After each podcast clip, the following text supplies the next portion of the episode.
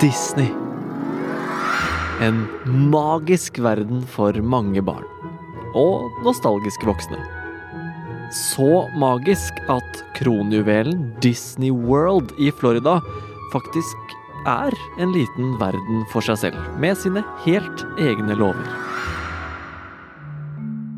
Men nå har Disney valgt side i en betent debatt i USAs store kulturkrig. The so called Don't Say Gay bill, now law here in Florida. The law bans classroom instruction and conversation about sexual orientation and gender identity. Uh, Governor DeSantis is upset because uh, Disney has vowed to help have Florida's Don't Say Gay bill repealed. Og det kan få konsekvenser for langt flere enn bare Disney. Du hører på Forklart fra Aftenposten, og jeg heter David Vekoni. I dag er det onsdag 27. april. I mars så vedtok republikanske politikere i Florida en ganske så omstridt lov som har vakt oppmerksomhet egentlig over hele verden. Eh, offisielt så heter den Parental Rights Bill, men motstandere kaller den bare Don't Say Gay-loven. Jakob Sem Osmundsen, du er eh, journalist her i Aftenposten og skriver mye om ytringsfrihet, wokeness og kulturkrig. Hva vil denne loven bety i praksis? Altså, loven forbyr jo rett og slett lærere ved Floridas offentlige skoler å undervise om seksualitet og kjønnsidentitet til og med tredje klasse på barneskolen. Og det kan jo også bety at bøker om disse temaene blir bannlyst fra skolebiblioteker. Og de konservative som støtter denne loven, de mener jo at den skal gi foreldre mulighet til å beskytte barna sine. Altså at de hevder jo at informasjon om seksualitet og kjønnsidentitet kan på en måte forvirre og påvirke barna. Men kritikerne de mener jo at den vil gjøre det vanskeligere for skeive barn å bli trygge og komfortable med seg selv. Ok, så det er eh, Don't Say Gay-loven. Eh, hva har Disney med det her å gjøre? Jo, altså Disney de har tatt et tydelig standpunkt mot denne her loven. Eh, og det skjedde etter at det kom fram at Disney hadde gitt valgkampstøtte til flere av de republikanske politikerne som fikk loven vedtatt. Dette her er ikke helt uvanlig, for Disney støtter ofte politikere i ulike stater for å være på, en måte på godfot med dem. Og det er jo særlig viktig i Florida, siden selveste Disney World ligger der. Og siden selveste Disney World ligger i Florida, så er det også veldig mange Disney-ansatte som jobber og bor i delstaten. Så Don't Say Gay-loven angår de nesten 80 000 ansatte i Disney World direkte. En viktig grunn til at Disney tok standpunkt, var det massive interne presset fra særlig skeive ansatte. Og mange av dem tok til og med til gatene for å demonstrere mot arbeidsplassen sin, for at de skulle ta avstand da fra denne loven. I tillegg spiller Disney en viktig rolle for mange som ikke jobber for dem. For Disney har lenge hatt en helt spesiell status. Det er nok ikke heller tilfeldig at Disney skjønner at de må være forsiktige med å skyve bort akkurat det skeive publikummet. Og det er fordi Disney har egentlig en helt spesiell tilknytning til skeiv historie, skeiv kultur. Eh, og en av grunnene til det er jo at det har jobbet en rekke åpent skeive kunstnere i Disney gjennom årene, sånn helt fra tidlig alder.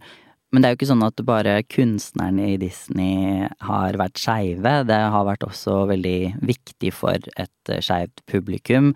Og det er jo litt interessant, for det er jo til tross for at antall skeive karakterer i Disney-universet kan man kanskje telle på én hånd. Men man har lest veldig mye, skeive publikum har lest veldig mye inn i historiene og tolket det som liksom, det å være utenfor, finne sin egen vei. Et eksempel er jo Lille havfruen, som har blitt liksom sett på som en historie om det å være født i feil kropp. Så har man Pinocchio, som ses på som liksom det å ikke være en ekte gutt og liksom finne sin egen vei sånn. Og disse historiene om ja, øh, å være annerledes, øh, det er noe som virkelig treffer det skeive publikummet, da. Men det finnes også andre grunner til at Disney kan ha valgt å ta et standpunkt her. For Disney er mer enn bare fortellingene sine. Bak tegnefilmene, figurene og referansene som mange har et kjært forhold til, så står et av verdens største medie- og underholdningskonserner. Disney eier bl.a. Pixar, Marvel, 20th Century Studios eh, og TV-kanaler som ABC, National Geographic og Hulu. Så først og fremst er ikke Disney stjernestøv og magiske slott. Disney er først og fremst en bedrift. De Disney-ekspertene som jeg har snakket med, sier at en av grunnene til at Disney tar standpunkt mot denne loven, er mest sannsynlig fordi de ser at det er det som er mest lønnsomt. Disney har ifølge dem aldri gått foran i sosiale spørsmål, og grunnen til at de gjør det nå, handler nok mest om at de skjønner hvilken vei vinden blåser. Altså at de i det lange løp vil tjene mest på å støtte opp under skeives rettigheter. Eh, selv så sier Disney at det er et genuint engasjement for skeives rettigheter som ligger bak beslutningen om å gå mot loven. Men det at Disney gikk mot loven, det falt jo ikke i særlig god jord hos disse konservative politikerne, og nå får Disney kraftig kritikk, og særlig da fra den republikanske guvernøren i Florida, Ron DeSantis, som har begynt å kalle dem Voke Disney. Og woke, for dem som ikke vet det, er jo blitt et slags skjellsord om dem som beskyldes for å være overdrevent politisk korrekte. Men til tross for dette besluttet altså Disney å stå ved sin kritikk av loven. Og med det kastet de seg inn i en av USAs største og mest polariserte debatter. En kulturkrig mellom republikanere og bedriftene som de tidligere har vært så opptatt av å beskytte.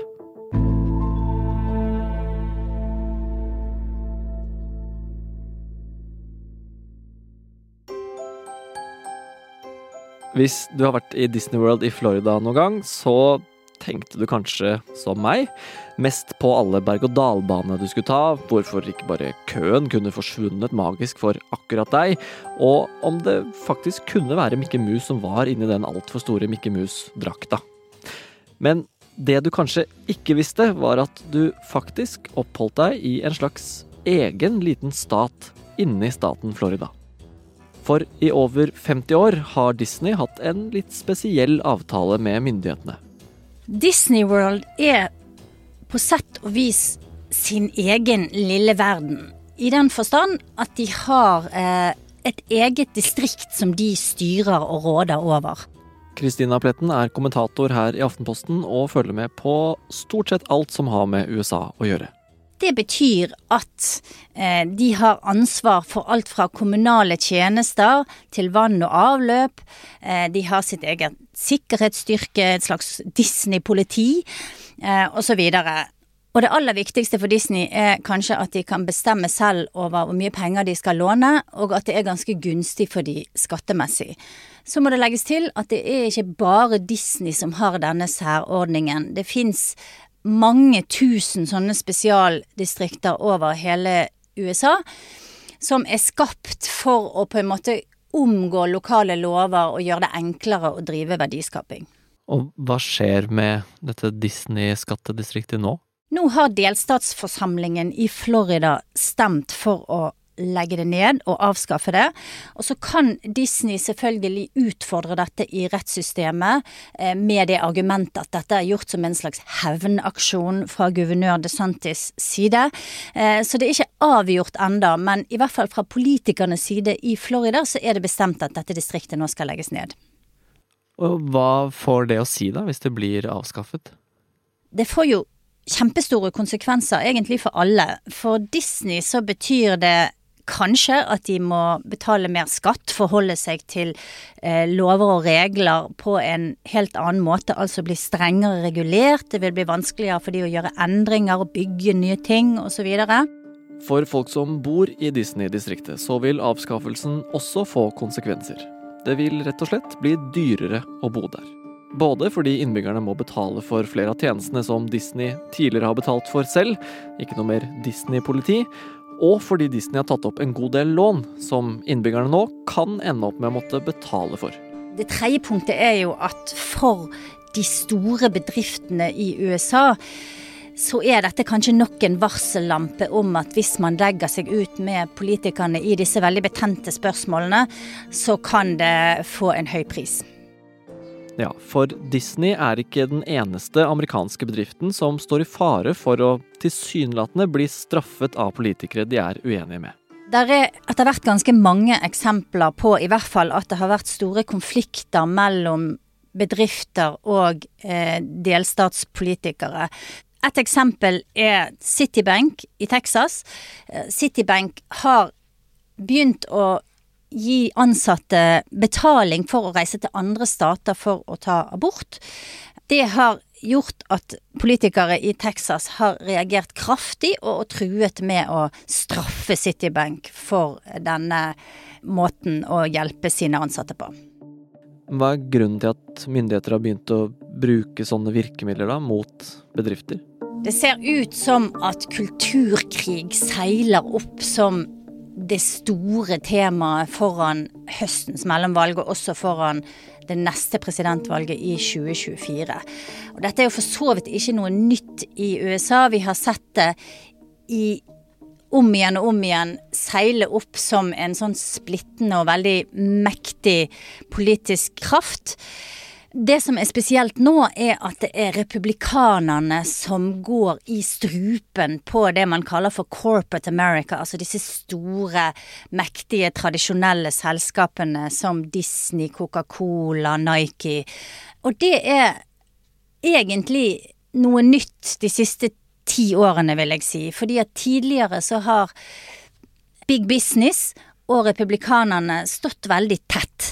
Men disse store selskapene har de siste årene beveget seg i en mye mer liberal retning. De har tatt standpunkt som er upopulære blant republikanerne, og samtidig så har det republikanske partiet beveget seg i andre retningen, utover på høyrekanten. Og det har gjort at det har blitt en veldig stor motsetning mellom disse konservative politikerne og det disse selskapene nå står for.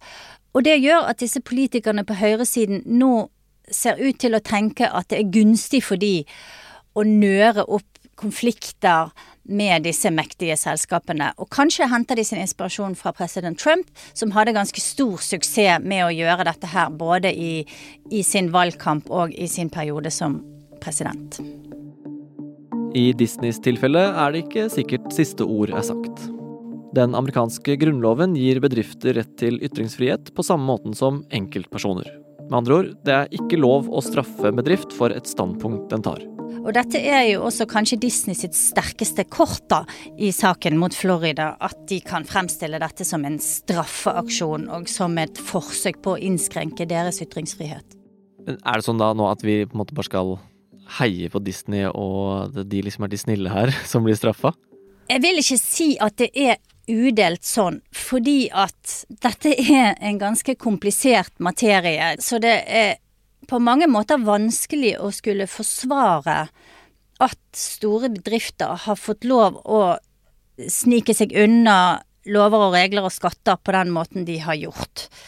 Samtidig så er det klart at det republikanerne nå holder på med, med å gå direkte i klinsj med store selskaper og prøver å presse de til å ikke ta et standpunkt, er også trøblete. Så det er egentlig to sider av denne saken. Det ene er at store selskaper ikke lenger har den beskyttelsen hos republikanerne som de en gang hadde. Det kan egentlig være til det gode. På den andre siden så kan ikke republikanerne som sitter i posisjon, som en guvernør gjør, bruke makten sin til å straffe enkeltselskaper fordi de bruker ytringsfriheten sin. Det er egentlig helt uhørt. Men sier det her noe om USAs utvikling i et større bilde, da?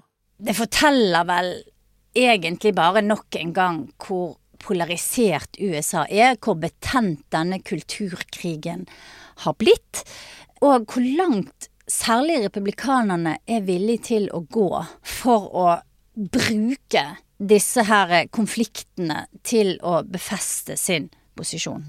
Men hva tror du skjer da om, om Disney-filmer, eh, nostalgi for mange av oss, og hele Disney-universet egentlig, også blir politisert?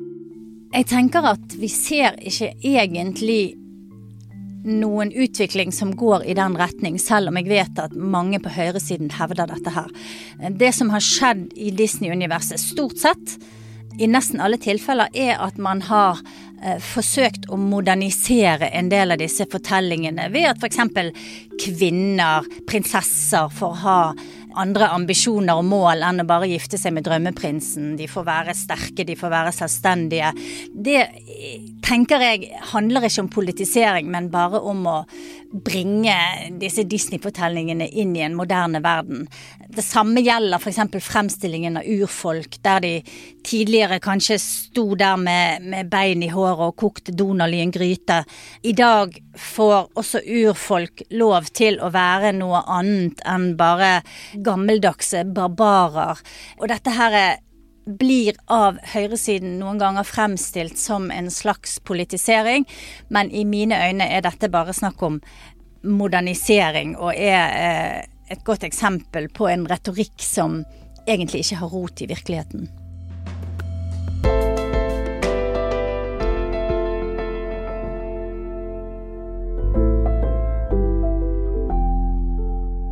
Du hørte Jakob Sem Osmundsen og Christina Pletten fortelle om Disneys magiske verden, skattelover og lokal Florida-politikk. Lyden hørte var fra NBC og Disney-eide ABC. Produsentmagi var ved Fride Næss Nonstad, og jeg, David Vekoni, har også vært med på å lage episoden. Resten av det nest mest magiske stedet i verden etter Disney, nemlig Forklart-redaksjonen, består av Anders Weberg, Anne Lindholm, Marte Spurkland og Synne Søhol. The end.